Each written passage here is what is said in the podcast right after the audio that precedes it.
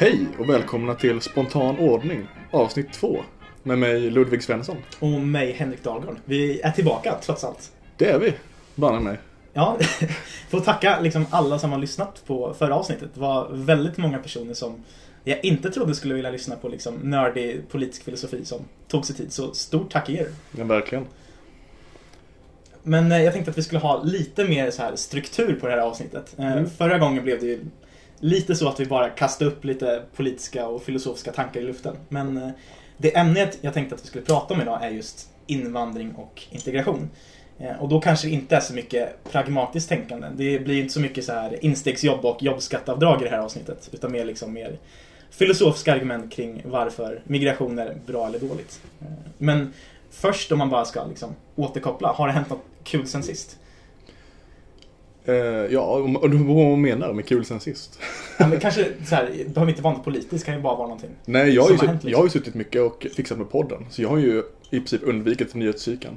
Eh, så jag har ju rätt dålig koll. Det, det jag förstått är att eh, Jan Björklund i princip säger ja men kul, kul för Löfven att han vill bli statsminister. Jag, Ja, jag, jag, jag hjälper till lite, tycker jag. Nej, men, ja, nu, regeringsbildningen var ju inne på lite förra gången, men det, det som har hänt sen sist där är ju att Annie Lööf har skickat in en kravlista till Stefan Löfven.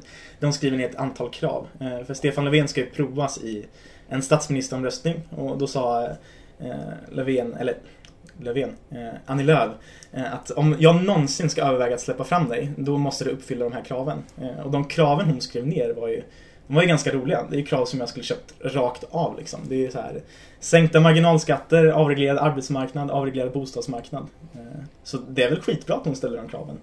Men det fanns ju en person som skulle köpt den listan rakt av som hon röstade nej till för ett par veckor sedan. Eh, så det är väl den senaste akten i Annie Lööf bara lallar, lallar runt och bara spelar politiskt spel, känns det som. Ja, verkligen.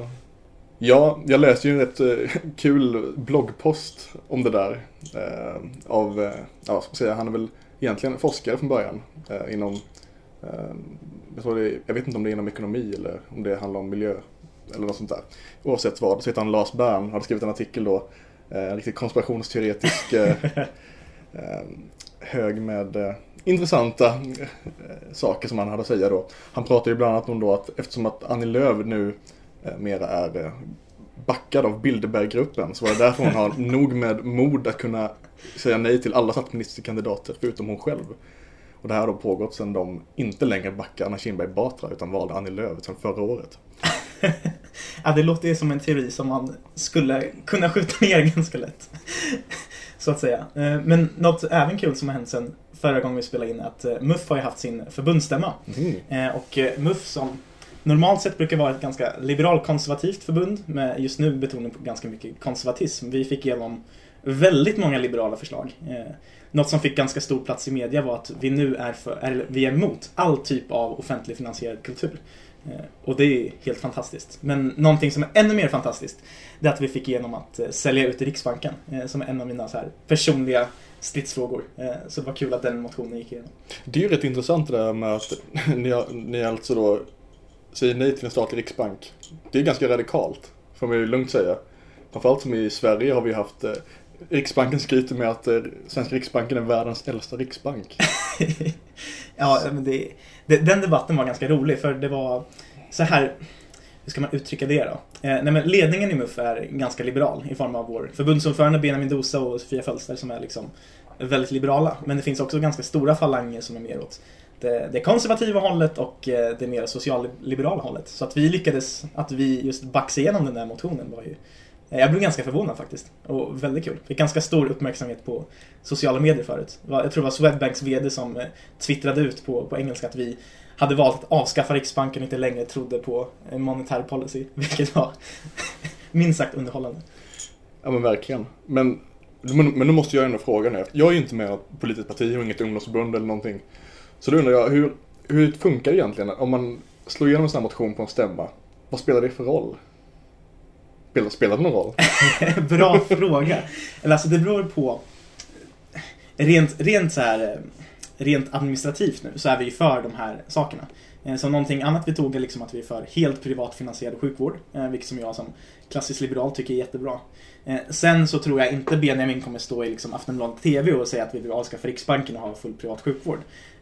Men någonting som den här kulturmotionen som ändå ganska är ganska radikal men även har liksom ett ganska stort pragmatiskt syfte. Just det här med politiska prioriteringar, att man tar pengar från kultur och lägger dem på statens kärnuppgifter istället. En sån motion tror jag har ganska ganska stor effekt i samhällsdebatten. Eh, Benjamin har ju vid flera tidpunkter liksom argumenterat ur det perspektivet. Att vi måste prioritera olika saker och välja bort kanske statlig opera till förmån för fler poliser eller något sånt där. Mm. Eh.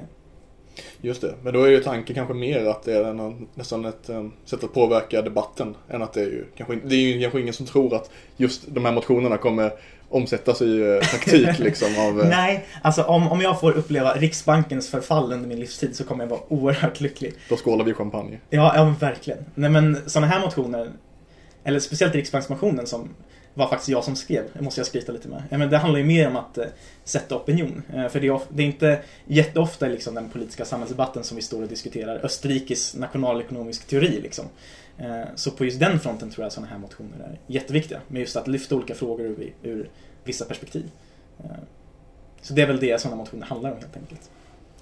Men om vi ska sluta flumma och försöka komma in på dagens första ämne så är det invandring och integration. Och jag tänkte mm. att vi skulle försöka börja någon slags form av verklighetsanknytning och sen jobba oss uppåt mot det mer, det mer filosofiska och mer ideologiska. Eh, men om vi tar liksom migrationsdebatten och hela liksom migrationsrealiteten från hösten 2014. Du som står utanför politiken, vad har du för reflektioner över hela det händelseförloppet? Det är, är ganska intressant just det där. För jag gick ju ur politiken ungefär runt hösten 2014. Det hade egentligen inte så mycket med, eh, det hade ingenting med invandringsfrågan att göra egentligen. Utan det var ju det var att jag hittade liberal, libertarianism som, filosof, som filosofi och ideologi egentligen. Men det har varit ganska intressant att kunna stå utanför eh, det här och se det utifrån. För det, det, är, ganska, det är ganska tydligt hur, ehm, ja inte bara debatten har ändrats liksom, men folks åsikter har cementerats på ett helt annat sätt än vad man kanske skulle trott innan. Om man, gått, om man skulle se vad folk säger år 2013 om vilka nivåer av invandring är rimligt, vad eh, har det för effekter på samhället, sådana saker. är ju helt annorlunda än vad folk mm. skulle säga idag. Och det är nästan som att folk har glömt bort vad man sa för fem år sedan bara. Det är ju en sak som man utifrån sett ganska tydligt i alla fall på mitt håll. Mm. Men jag är också, alltså precis som du säger, jag fascinerades väldigt mycket hur liksom den här just den här frågan har tagit så stor roll i hela den politiska debatten. Invandringsfrågan är ju det är frågan som alla har behövt förhålla sig till. Oavsett om det handlar om ekonomi, om sjukvård, om poliser så har vi alltid gått tillbaka och pratat om invandring. Och jag blev faktiskt politiskt aktiv under hösten 2015 så invandringsfrågan var väl liksom en av de stora frågorna som gjorde att jag gick in i politiken från första början. Och jag har faktiskt velat ganska mycket i, i den frågan. Först när jag blev politiskt aktiv då var det utifrån liksom perspektivet att eh, lite mer det här konservativa. Varför pratar ingen om volymer? Varför pratar ingen om alla kostnader som invandring för med sig och sådana saker? Eh, men sen när jag upptäckte mer liberala tankar så blev väl skulle jag säga att invandringsfrågan blev den största frågan som gjorde att jag för första steget tog eh, liksom mod till mig att säga att jag var emot välfärdsstaten. Eh, för man tror på liberala principer och liksom en, en hur ska man uttrycka det? En liberal världsordning där människor fritt kan röra sig över gränser. Då mm. blir välfärdsstaten en ganska stort hinder i det. Vet inte hur du ser på det? Ja, vi kan, vi kan väl nästan säga det först liksom att om man överhuvudtaget eh, tror på både liberala och libertarianska ideal överhuvudtaget så är ju en välfärdsstat helt orimlig i mm. kombination med eh, fri invandring. Eh, vi kan väl kanske dra några argument överhuvudtaget varför det är så. Eh, ja, men först och främst så handlar det om att eh, utbildningsgrad hos människor som kommer från utomeuropeiska länder är generellt väldigt låg. Och på grund av den arbetsmarknaden där facken ställer både väldigt höga lönekrav men också väldigt stora utbildningskrav så cementerar man genom just den den stelbenta välfärdsmodell som vi har ett ganska stort utanförskap. Och det bär ju enorma kostnader på välfärdssystemen i så fall. Det är väl mitt så här, tyngsta ekonomiska argument. Mm. Och man kan ju säga också att anledningen till att det överhuvudtaget är så är ju för att man i den här typen av välfärdsstat vi lever i nu anser att vem som helst som är i Sverige ska ha rätt till alla välfärds... Eh, man ska ha rätt till olika bidrag och till alla olika typer av välfärdsservice. Mm. man kan tänka sig. Utan att då vara med och betala till det. Och kan man säga tanken med det överhuvudtaget från början med välfärdsstaten är ju för att befolkningen ska ta hand om ja, de absolut svagaste i samhället och ha ett säkerhetsnät. Sen kan vi säga att det här nätet har ju höjts något oerhört sedan det infördes från början och även attityden till det har ju förändrats extremt mycket sen, säg, 1950-talet. Mm, verkligen. Nej, men sen om man även går in på liksom hur välfärdsfrågan har liksom kommit upp i det borgerliga läget i relation till invandring så tycker jag att många har skiftat ganska mycket positioner i liksom hur man ser på välfärdsstaten och invandring. Eh, eftersom invandring blev den stora politiska frågan som alla behövde förhålla sig till så kände jag att många, framförallt konservativa men även liberaler, liksom tog väldigt stora friheter och svängar i sina politiska värderingar bara för att kunna vara emot invandring. Eh, just vid den här tidpunkten så var det ju Eh, även jag tyckte det att den här vänsterliberala tanken om fri invandring och välfärdsstat var ju så, så otroligt orimlig. Eh, så att säga att nej men det här är fel, det är idiotiskt blev ganska populärt inom liberala och, och eh, konservativa kretsar. Men sen så kände jag att man drog nästan det för långt. Så många konservativa började helt plötsligt argumentera för välfärdsstaten för att kunna vara mot invandring. Eller många liberaler börjar argumentera för biståndspolitik för att kunna vara emot invandring. Eh, just det att vi, vi ska hjälpa på plats eh, blev ett jättestort argument. Inte bara att det är Jimmy Åkesson som säger det, men även många liberaler och konservativa pratar mycket om det. Och det kommer ju liksom, om man backar tillbaks tio år så har ju konservativa och liberaler alltid varit väldigt skeptiska till eh, biståndspolitik. Just för att det liksom urholkar det ansvarstagande som befolkningen kan kräva av staten och så vidare. Eh, så jag känner att den här den frågan påverkar det borgerliga läget väldigt mycket. Och jag skulle nästan påstå att den skiftar just idéströmningen ganska till vänster. Eh, just för att man ville eh, kunna vara emot en ganska fri invandring. Intressant. Men skulle du säga att du, du då, har ju, då har du aldrig kommit in riktigt som en fri invandringsförespråkare då riktigt? Eller skulle du säga att du, du har den åsikten att i ett, ett perfekt liberalt samhälle, som du ser det, så skulle fri invandring vara en naturlig del?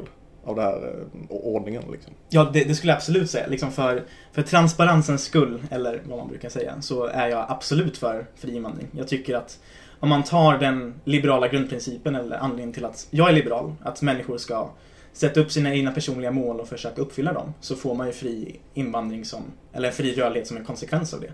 Att jag ska kunna flytta till USA och plugga och arbeta där, eller att en person i Somalia ska kunna flytta och plugga och arbeta i Sverige blir ju som en en konsekvens av det. Eh, men sen tycker jag även att man måste prata om vilka begränsningar som ett eh, liberal, så här, principiellt liberalt perspektiv sätter på fri rörlighet till exempel. Som, eh, man kan ju aldrig säga att fri rörlighet går över äganderätten till exempel. Mm. Du kan ju aldrig komma in på min mark utan om jag säger att det är okej.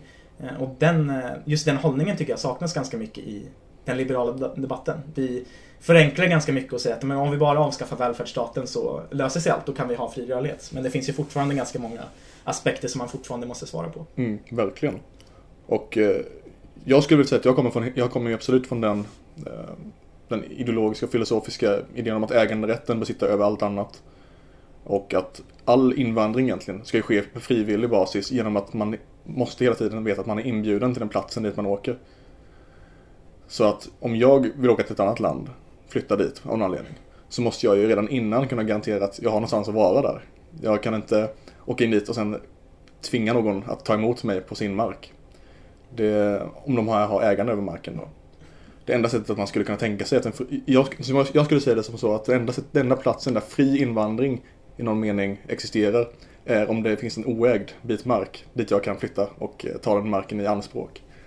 Annars så är jag ju inte Annars har jag inte rätt att flytta någonstans om jag inte är inbjuden dit. Ja, okay. det var ett intressant perspektiv. Jag skulle inte riktigt hålla med där. Eh, nu kommer jag låta lite som Fredrik Reinfeldt, men om vi, vi säger att Sverige skulle vara ett liksom, perfekt libertarianskt samhälle, eh, så finns det ju oerhört mycket plats i Sverige. Eh, mm. Som Reinfeldt eh, berömt sa när han flög över Sverige och sa, men det finns ju så mycket plats här. Eh, så jag tror inte att det skulle finnas, om man tar bara företagare som en grupp, jag tror inte det skulle finnas en företagare som skulle säga nej till utökad efterfrågan eller utökad arbetskraft. Så jag tror att liksom integrationen mellan, eller in, interaktionen mellan människor på en fri marknad skulle den skulle snarare öka om man hade fri rörlighet tror jag. Jag tror att människor skulle vara benägna om att släppa in människor, att göra affärer med dem, att ha utbyte av både varor, idéer och kompetens och arbetskraft. Så jag tror att liksom det, det följer som en naturlag av ett rent libertarianskt samhälle. Skulle Mm. jag påstå. Okej. Men menar du då att man ska kunna komma till en... Vi, vi, vi, kan ta ett hypotetiskt exempel då. Mm. En eh, skogsägare då i eh, mellersta Sverige som har massa skog, skog och mark då. Har den personen då inte rätt att säga att folk får inte gå på min, folk får inte gå på min mark? Bara för att, men ja, han har inte rätt att säga det. För att han har så mycket mark så att folk borde få gå på den ändå. Nej, nej, nej, gud, absolut inte. Eh, om man bara fastställer det som princip att det självägarskapet till både sin kropp men även sin egendom, går, det är liksom det är den fundamentala rättigheten som både liberaler och konservativa grundar hela sin ideologi på. Så den kan ju aldrig förkastas över någonting. Eh, men om vi tar det exemplet med skogsägaren. Om det skulle komma ett tiotal personer så skulle han troligtvis se att han kan ha en ganska stor ekonomisk vinning här. Han kanske kan anställa de personerna, de kan arbeta i hans skogsbruk, de kan få en mark de kan bo på. Eh, och just genom den interaktionen, genom att båda parter ser till sitt egen intresse, att man vill eh, sträva efter bättre ekonomisk vinning och därigenom bättre, liksom, ett bättre liv för alla de här personerna helt enkelt, så tror jag att just det äganderättsproblemet eller markproblemet tror jag löses av sig själv när människor interagerar på en fri marknad. Mm. Absolut. Och det är väl lite, då, då har vi samma åsikt där egentligen om vad som skulle hända i ett perfekt libertarianskt samhälle liksom. Men du, en annan fråga där är ju faktiskt eh, för jag, jag, när jag ser det som tror, ett, perfekt libertarianskt utopia Ser jag också utifrån att det är helt att, att, att, en, ett anarkiskt tillstånd råder. Och att det Mm. inte är en stat möjligtvis som överhuvudtaget eh, har, någonting att säga, har någonting att säga till om över den här äg, personens äganderätt över marken. Men om man har en nattväktarstat så borde det rimligtvis innefatta att den här staten har gränser också. Men då är frågan, ska man då, ska vem som helst kunna komma över gränsen? Mm, det där är jätteintressant för då kommer du in på liksom diskussionerna om vad som är en nation, liksom vad som ger uppkomsten av en nation. Och det finns ju väldigt många olika teorier där. Eh, vissa skulle ju bara hävda att det är en, ett geografiskt område, eh, liksom bara en geografisk plats där det finns en gräns runt. Andra skulle ju hävda att det är en samling av etniskt homogena människor som bor på en samma plats. Eh, jag skulle väl snarare hävda att en nation är grundar sig i en uppsättning av idéer eller ideal. Om man tar liksom den amerikanska nationen så grundar ju den sig på the Bill of Rights, de värderingar som skrivs, skrivs in i konstitutionen. Och att det då blir en sammanslutning av människor som delar vissa fundamentala ideal. Eh, en, eh, en liberal tänkare och filosof eh, som heter Judith Sklar skriver väldigt mycket om det här. Och hon resonerar väldigt mycket kring att man skulle ha ett medborgarskap som grundar sig i värderingar snarare hur länge man bor i ett land eller om man har ett jobb och en viss ekonomisk status. Och jag tycker de, de resonemangen är oerhört de är oerhört intressanta. För precis som du beskriver i, i ett anarkistiskt samhälle så blir det ju då blir den här argumentationen väldigt lättare. För då är det liksom bara äganderätten som, eh, som står på spel, det är den som man måste utgå ifrån. Men i, i ett samhälle med en nattväktarstat eller en minimalstat, då måste man ju fråga sig vad, vad är legitimiteten bakom hela nationen? Eh, och vissa skulle påstå att om man har fri invandring så raserar man eh, nationens själva eh, existensberättigande. Mm. Så det är väl en sån fråga man måste besvara först. Mm. För det är ju, vi pratade ju tidigare, eller jag tror att du nämnde tidigare det här med att om man hade levt i en liberal världsordning så skulle man ha fri invandring. Och det kanske är just det att om man, lev, om man har en liberal världsordning, det vill säga att samma lagar gäller överallt, då kan man ju flytta runt precis som man vill.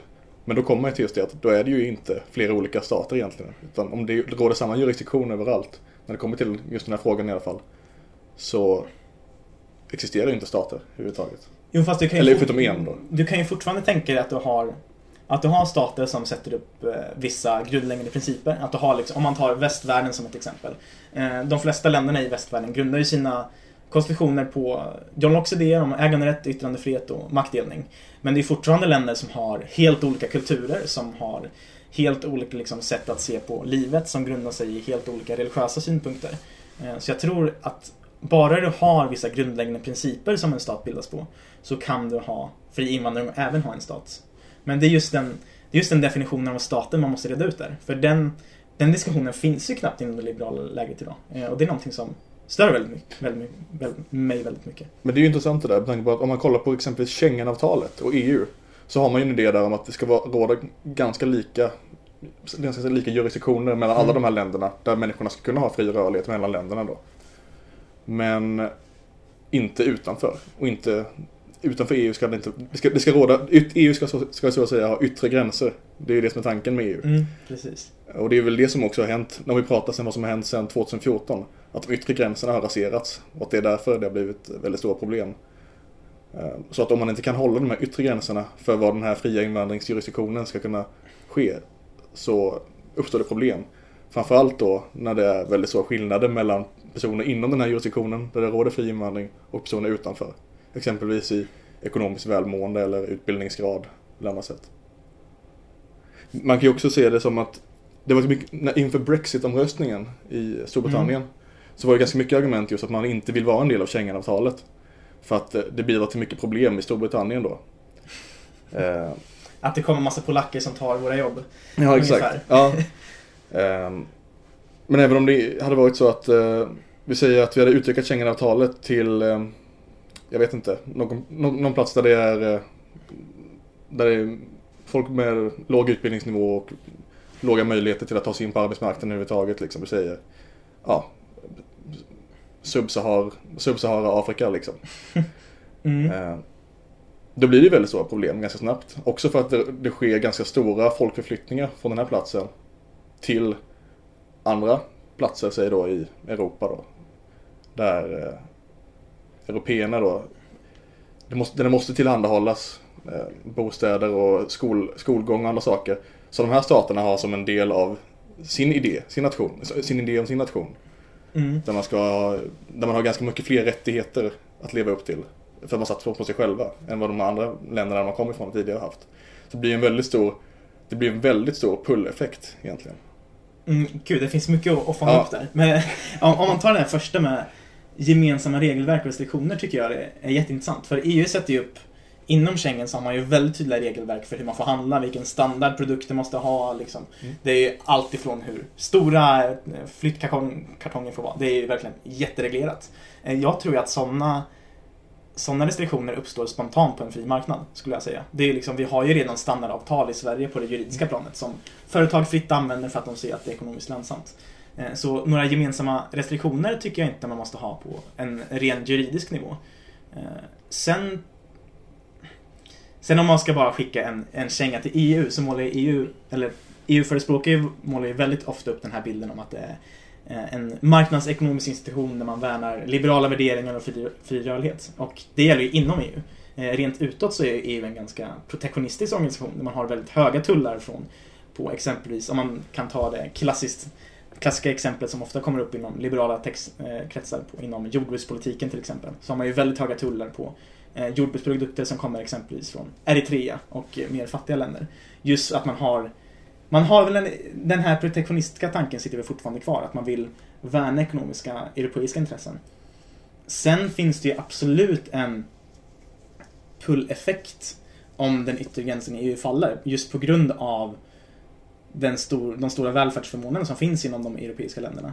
Eh, jag vet inte riktigt hur den pull-effekten skulle påverkas om man avskaffar välfärdsstaten. För även om välfärdsstaten inte skulle finnas så skulle man, jag skulle i alla fall se ett, en väldigt eh, stor rationalitet i att flytta till ett land med stabila institutioner där äganderätt finns, där yttrandefrihet finns. Eh, där man inte behöver fly undan staten utan kan, man kan på något sätt lita på staten ändå.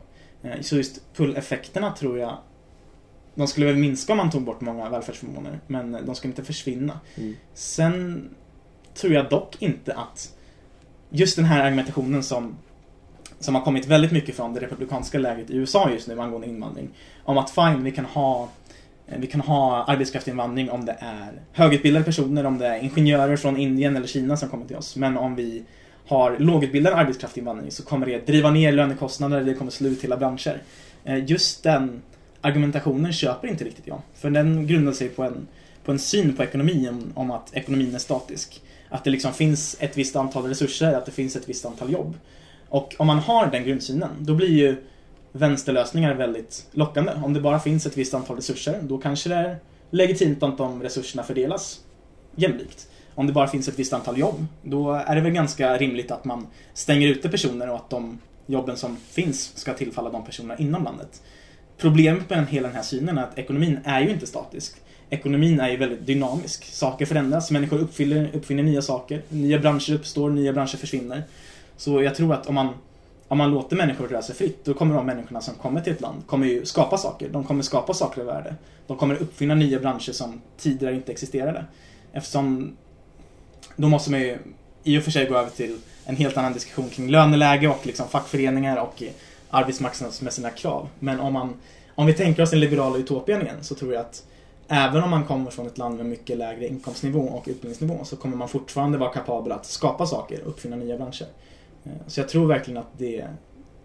Jag tror att rent ekonomiskt, om man bortser från alla principiella eh, argumentationer, så tror jag även att en sån eh, lågutbildad arbetskraftsinvandring skulle vara positivt. Ja, rent ekonomiskt sett, absolut. Men om vi ska ta ett annat argument också, som kanske kommit upp de senaste åren på grund av olika anledningar när det kommer till hur praktisk invandring fungerar så är det någonting som väldigt ofta glöms bort. Och det är ju de kulturella argumenten. Mm. Och vad som egentligen då, vi pratade tidigare om vad som utgör en nation exempelvis. Och man skulle säga att om, du, om vi säger att den är baserad på gemensamma värderingar, gemensamma idéer om vad människor har för fri och rättigheter exempelvis.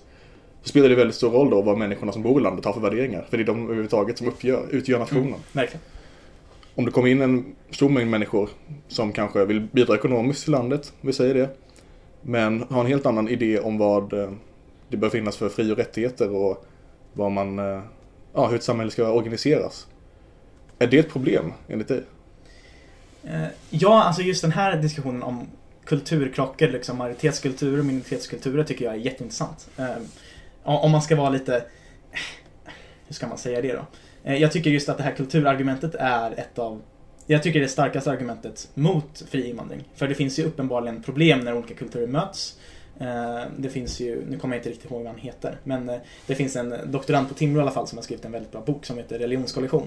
Där han diskuterar just vad som händer när en majoritetskultur träffar på en minoritetskultur och mm. deras olika principer och olika världsbilder ska förenas och vad som händer då. Och, eh, kort sagt så bidrar ju det till en viss form av polarisering och negativa effekter.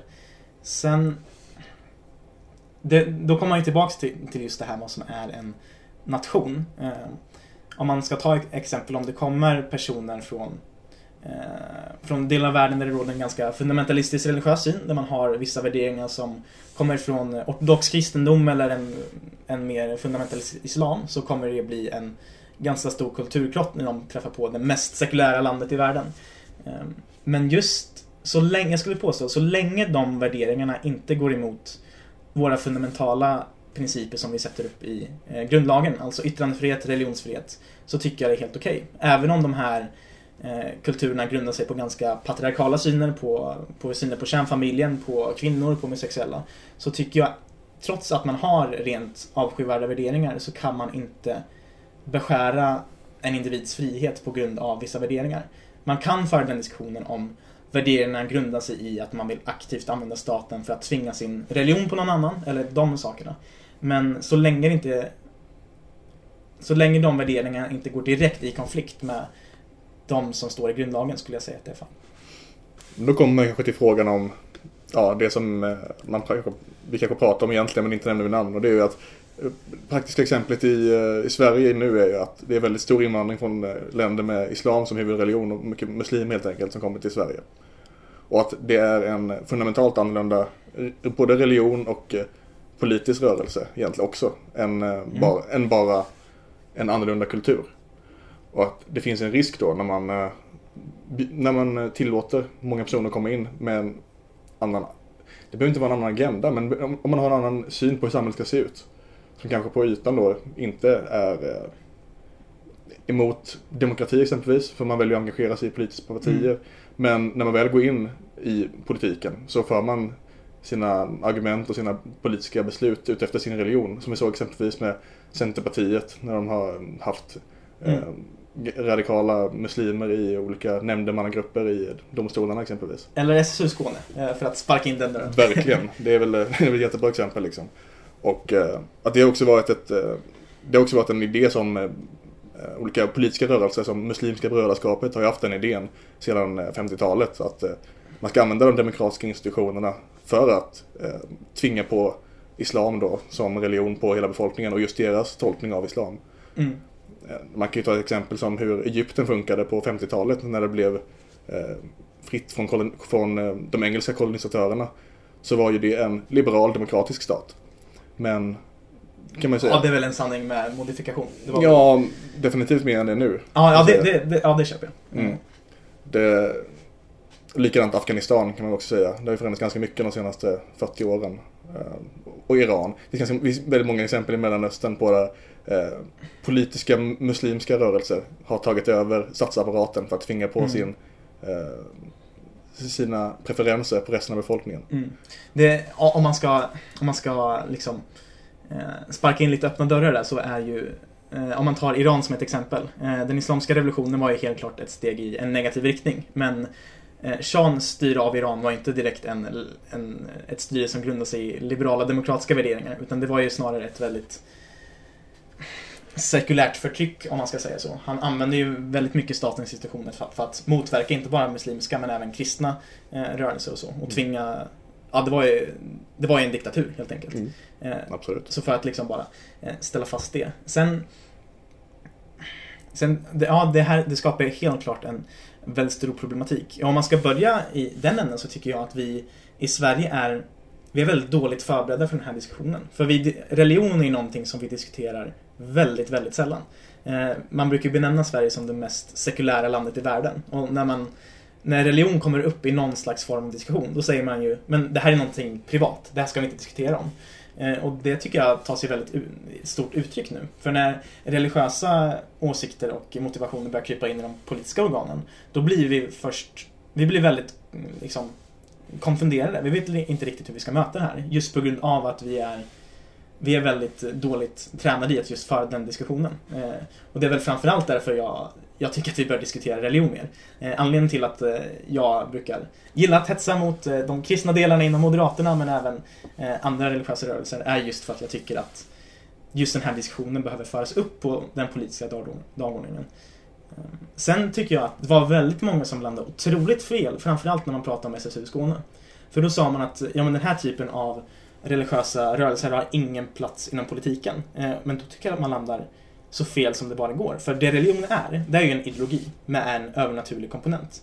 Eh, kristendomen målar upp vissa levnadsregler och vissa ideal som man ska följa. Islam gör detsamma, judendomen gör detsamma.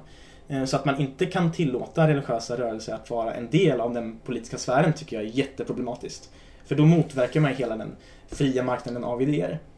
Med det sagt så tycker jag dock att när du börjar basera politiska argument i, i religiös grund så blir det väldigt problematiskt. För då baserar du argumenten på tro och inte på rationalitet. Och det betyder att jag kommer kunna föra så otroligt många argument mot dig. Jag kan visa, hur, jag kan visa så exakta uträkningar som möjligt. Jag kan göra väldigt exakta filosofiska härledningar. Men du kommer aldrig kunna acceptera dem. Just för att du baserar argumenten på tro och inte på rationalitet. Och det är väl det främsta som är så så negativt i den här diskursen och därför jag tycker att eh, det är därför jag är ateist helt enkelt. Eh, för att jag tror att just man bör grunda argument på rationalitet istället för tro. Sen tycker jag även att det inte finns en grund för att säga att människor med vissa religiösa åsikter inte är välkomna i landet på grund av just de åsikterna. Ehm, så länge de inte går liksom direkt emot våra fundamentala värderingar i grundlagen. Exempelvis så tror jag väldigt få skulle argumentera för att man skulle förbjuda kommunistisk invandring från Kuba eller från Venezuela på grund av att man bara har kommunistiska åsikter. Och jag tycker det är exakt samma sak med islam. Bara för att man har idéer som man inte håller med om så tycker jag fortfarande inte det är legitimt att förbjuda de idéerna att komma in i landet. Då kommer ju till, eh, det här är ju någonting som debatterats både, inte bara i den, eh, den politiska diskursen i Sverige, utan även i eh, libertarianer har ju splittrats något enormt över den här frågan om invandring. Mm, ja, verkligen. Jag vet inte hur mycket du har följt de olika debatterna och de olika sidorna i de här debatterna. Där, där exempelvis personer som Hans Hermann Hoppe har varit på ena sidan och andra som Jeffrey Tucker har varit på andra sidan. Jag har faktiskt inte följt det jättemycket. Knappt Nej. någonting faktiskt. Men då kan jag väl då kan jag lägga upp lite vad ja, argumenten går för. Uh, Jeffrey Tucker och andra personer på det, det som man kanske skulle kalla lite, lite elakt då för vänsterlibertarianer då. uh, säger väl då att fri invandring måste få råda i ett, libertari i ett libertarianskt drömsamhälle. Av de anledningar som vi pratade om tidigare. Att eh, det finns ingen rättighet att begränsa människans rörlighet på det sättet. Om eh, personer, är om personer är inbjudna till en plats. De får, vara, de, de får objektivt sett vara på platsen för att ägaren, ägaren, personer som äger området måste, ja, de, de bestämmer helt enkelt. Mm. Um, och det är den ganska klassiska, den klassiskt liberala synen på migration. Sen har vi också Hans Hermann Hoppe som i sin bok eh, Democracy, the God That Failed la fram argumentet att om en libertarianskt samhälle ska fortleva över lång tid så kan man inte acceptera vilka idéer som helst bland befolkningarna i samhället. För att det på sikt kommer, under, det kommer på sikt kommer förstöra den libertarianska idén och i, helt enkelt den libertarianska kulturen, om man säger så. Kulturen som främjar eh, yttrandefrihet, eh, äganderätt och, och de, de libertarianska idéerna. Det, han, han har ju bland annat sagt att eh, eh, demokra demokrater och kommunister inte har en plats i ett libertarianskt samhälle.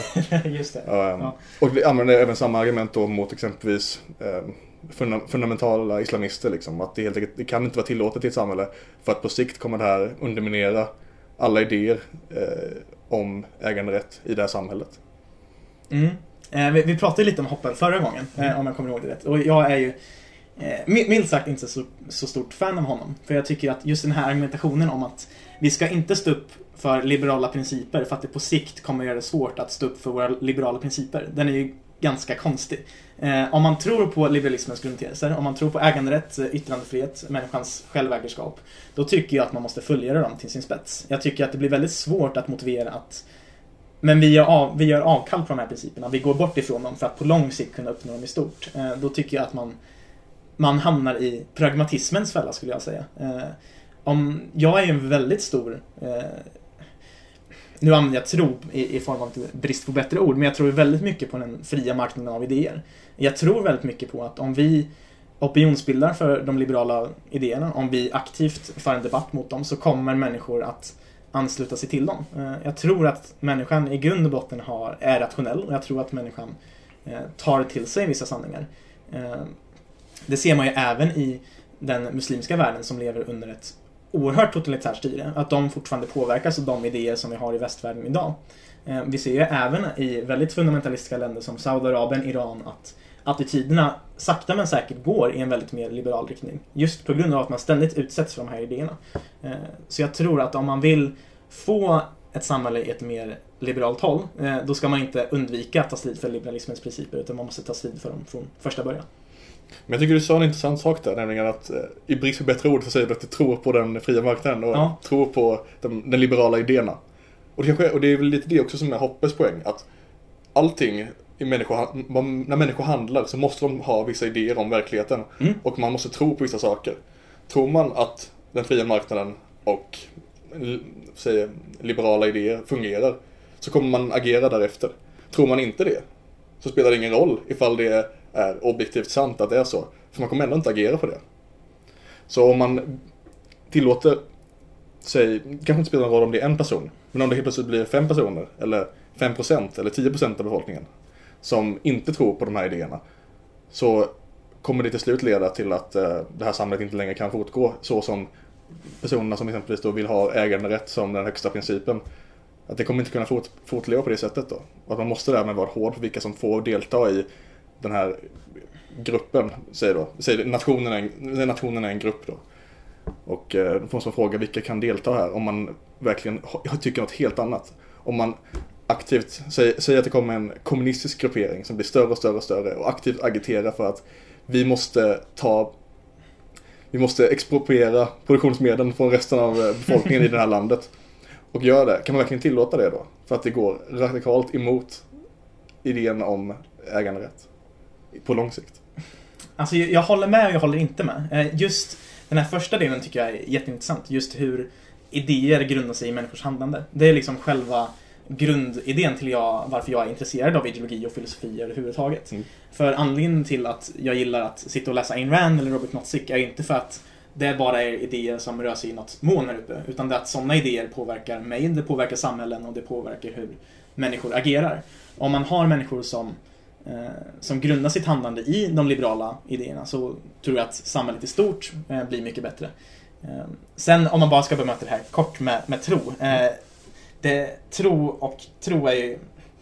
Det, det är inte religiös tro jag menar här, utan jag anser mig att de liberala principerna kan härledas rationellt utifrån vissa grundläggande axiom. Eh, det, kan vi, det kommer säkert vara ett helt eh, separat avsnitt tror jag. Det kommer det definitivt vara. Eh, men gud, vad skulle jag nu?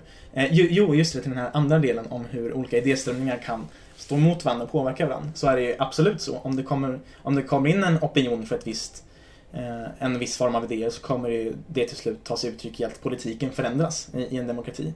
Exempelvis ser vi nu att liksom en auktoritär populism och liksom en, en, även en vänsterpopulism har, vinner väldigt stora framgångar. Och det tar sig uttryck i vilka politiker och, eh, och personer som väljs in i demokratiska institutioner. Eh, men jag tror man aldrig kan hamna i fällan av att försöka använda staten för att motverka dessa saker. För om man försöker använda staten för att motverka idéer då, då faller man i fiendens grepp. Då faller man till deras tillvägagångssätt, eh, tror jag.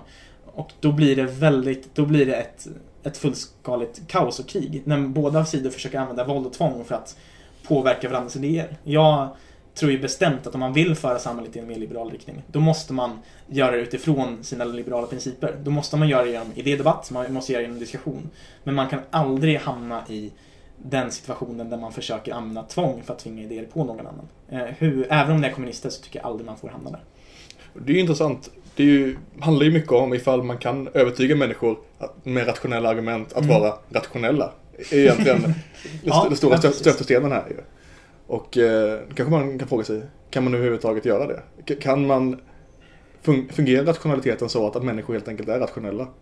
Jag skulle ju påstå att, jag skulle påstå att det inte är så. Att mm. människor i naturen inte är rationella. Man baserar sitt handlande på många olika saker. Men rationalitet är ganska hög nivå som kräver extremt mycket energi. Så det är väldigt få beslut som man egentligen tar genom ett rationellt övervägande av olika alternativ och se vad, vad blir egentligen, eh, hur, hur hänger det här ihop logiskt, hur hänger det här ihop med vad jag eh, strävar efter och liknande, och liknande saker, vad man nu kan tänka sig att man innefattar i begreppet rationalitet. Det kommer mm. vi säkert också prata om någon annan gång. Ja, gud. men det här är jätteintressant för då kommer man ju ner till grund och botten hur man ser på människan. Eh, och jag som liberal har ju, min grundsyn är ju att människan är en rationell varelse. Eh, och en mer klassisk konservativ syn är ju att människan är en, en felbar varelse som behöver luta sig mot gamla framväxta institutioner. Eh, men det, det, är så synd att jag inte hunnit eh, läsa den här boken än. Jag håller på att läsa eh, Nyliberalism som Timbro precis har gett ut. Där man presenterar olika nya liberala tänkare. Eh, och då bland annat så Jonathan Haidt med där. Och han har skrivit en bok som heter The Righteous Mind. Yeah. Där han eh, diskuterar kring liksom hur, hur biologi och människans automi påverkar hur, vilka idéer vi har. Och de jag har inte läst den här boken, men som jag uppfattar det så de teser han driver där att de idéer som vi har ofta färgas väldigt mycket av, våra, av vår biologi och våra personlighetstyper. Mm. Eh, så personer som har en mer mer, hur ska man uttrycka det då? Eh, omtagande personlighet tenderar att eh, ha mer vänsterorienterade idéer. Personer som har en eh, personlighetstyp som grundar sig i skepsis mot eh, auktoriteter tenderar att eh, luta mer åt det libertarianska hållet. Och det är jätteintressant om man kopplar tillbaka den här diskussionen till om man kan om det faktiskt går att övertyga människor. Men jag har ju inget så här biologiskt, eh, biologisk argumentation bakom det här. Men eh, min grundtes är att det går. Jag har själv blivit övertygad. Jag var ju en socialliberal keynesianist från början. Mm. Tills jag började läsa Ayn Rand och Robert Nozick och började umgås i mer liberala kretsar. Och jag blev övertygad. Så jag tror att det går. Det, det är bara att titta på liksom hur, hur attitydskillnader och idéer har förändrats över tid. Om man tar Steven Pinker som i och för sig är ganska en socialliberal person, men han har ju skrivit en fantastisk bok som heter, eh, nu måste jag bara kolla in mig på bokhyllan här, eh, Enlightenment Now, där han just argumenterar för att världen blir bättre på många olika områden. Och ett sånt område han diskuterar är just idéer och attityder. Och då, hela den här boken består i stort sett av grafer där grafen går uppåt. Eh, då har han liberala värderingar på eh, y-axeln och eh, liksom tid på x-axeln. Och då ser man att grafen är väldigt långt ner, där människor för en Eh, för hundra år sedan hade kanske ganska patriarkala idéer, man hade ganska auktoritära idéer om hur staten skulle se ut, men att den går i en mycket mer liberal riktning. Och det tyder i grund och botten på att människor kan förändras. Och då tycker jag att vi måste verka för det helt enkelt. ja, att de kan förändras, det råder ju ingen tvekan om det. Nej, precis. Frågan är egentligen bara, vilka argument är det som gör att man förändras? Eh, och det är väl ganska allmän visdom inom politiska sfärer att eh, det handlar ju om vilka känslor människor får för olika personer när de väljer exempelvis i en demokrati. Hur, Mm. hur känner du inför den här personen eller det här partiet? Vad, vad, den, här, den här moderata partiloggan, vad väcker det för känslor i dig? De här färgerna. Mm. Det spelar väl att det spelar extremt stor roll. Framförallt då i en demokrati där de flesta kanske egentligen inte ens är intresserade av eh, grund, grundläggande idéer och principer tror jag ganska få människor egentligen är Ja. intresserade av. Ehm, och att man baserar sitt handlande däremot i, i, därmed i en demokrati när man röstar på helt andra saker än eh, rationella argument. Och det kan man säga också att en del av Hoppes namn på den här boken som jag pratade om förut Mm. är Democracy, the God that failed. Och det är ju då just idén om att i en demokrati så kan man inte ha kvar de liberala principerna för att under lång tid för att det är eh, emot det är en ganska liten del av befolkningen som har ork, energi och intresse nog att ta sig an argument inom eh, eh, om exempelvis äganderätt för att man ska kunna rösta för att ha kvar det här. Det som däremot går hem är eh, det som har gått hem i Europa exempelvis under 1900-talet är vänsterpopulistiska argument, man ökar Mm. välfärdsstaten, man ökar bidrag, man ökar sjukvård, man ger gratis glasögon till barn, vad det nu kan vara liksom. Och att det här kommer att attrahera en större del av befolkningen och att demokrati som koncept är dödsdömt om man ska nå ett libertariansk, eh, en libertariansk plats. Mm. Det, alltså, om man ska bemöta det först så tycker jag att det Hoppen missar där är ju mer den maktdelningsprincip som finns i många västerländska länder. Eh, Just USAs konstitution bygger ju i grund och botten på de flesta av de klassiskt liberala värderingarna. Eh, Så tanken med konstitutioner om maktdelning är ju att demokratin ska begränsas. För om demokratin inte begränsas då blir det bara ständigt att man underordnar individen majoriteten. Och det är ju någonting väldigt, väldigt dåligt. Eh, men om man fastställer vissa grundläggande principer i lagtext och har en oberoende domstol som kan hindra staten om dessa principer skulle hotas så tror jag det är jättebra. Eh, alltså synen på demokrati som jag har är väl att demokratin i sig är också en maktdelare. Eh, jag tror inte på demokrati för att jag vill välja de rent fantastiska politikerna som vi har i Sverige. Utan jag tror på demokrati för att jag måste ha rätten att välja bort de flesta som eh, tror fel, som sitter på statens tvångsmakt. Eh, Det är väl därför jag är för demokrati i grunden. Men sen om man ska komma in på det här, på det andra, just vilka argument som biter, så är det också därför jag är så otroligt fascinerad och vill läsa The Righteous Mind av, eh, av Hythe. Mm. För han argumenterar väldigt mycket där hur man ska bemöta olika typer av åsikter. Eh, på liksom, ur vilka sätt man ska argumentera, om man ska argumentera utifrån principer om eh, liksom, eh, konsekvens och så vidare. Och det var även någonting som jag tänkte väldigt mycket på under valet. Då åkte jag runt på en del skoldebatter liksom och debatterade mot SSU och Ung Vänster. Och vi hade en, en debattkurs i MUF där vi just diskuterade vilka argument är det som biter. Och det som var kontentan där är att oftast är det praktiska argument som biter bäst. Om man visar på att vår politik leder till positiva konsekvenser. Eh, det dock jag fann i valrörelsen är att om du kokar ner ideologisk argumentation till en ganska enkel och grundläggande nivå. Eh, du kan inte sitta och säga på en skoldebatt att Ayn Rands eh, filosofiska härledning av rättigheter är så här, då lyssnar ingen. Men om du bara ställer den enkla frågan, eller liksom det enkla påståendet att du ska få välja din skola själv. Det är upp till dig, ingen annan. Just sådana enkla ideologiska argument tror jag verkligen biter på folk. Eh, det var den känslan som jag fick då, eh, i alla fall. Nej, men jag tror det i grund och botten är det vi hinner med idag. Vi har ju täckt in nästan allt från eh, praktisk diskussion om välfärdsstaten till människosyn. Så, som vanligt så flummar vi iväg lite grann. Men det är ju det är en spontan ordning som vi håller på med här. Så det är väl någonting som är bra i grund och botten. Ja, verkligen. Och det känns som att vi har ganska mycket, ännu fler eh, platser vi kan dyka ner på i kommande avsnitt om hur människan fungerar, vad rättigheter är och ja, det är ganska mycket vi kan prata om tror jag. Vi kan sitta i flera timmar egentligen men Ja, verkligen. jag tror Det- vi måste avsluta snart här. Det börjar närma sig över 50 minuter här nu. Så det, Ja, och jag ska snart ut på en after work med mina Polsek-kollegor. Eh, Så det blir ett bra ställe att avsluta på. Men eh, som vanligt får man tacka för att ni har lyssnat. Om ni gillar den här podden så får ni jättegärna sprida den och dela med den med era kompisar och eh, vänner. Och ni får jättegärna sätta en rating på iTunes så hjälper det oss att komma högre upp i listorna. så är det. Tack för att ni lyssnade denna veckan. Ja, tack själv så ses vi nästa vecka. Hej då!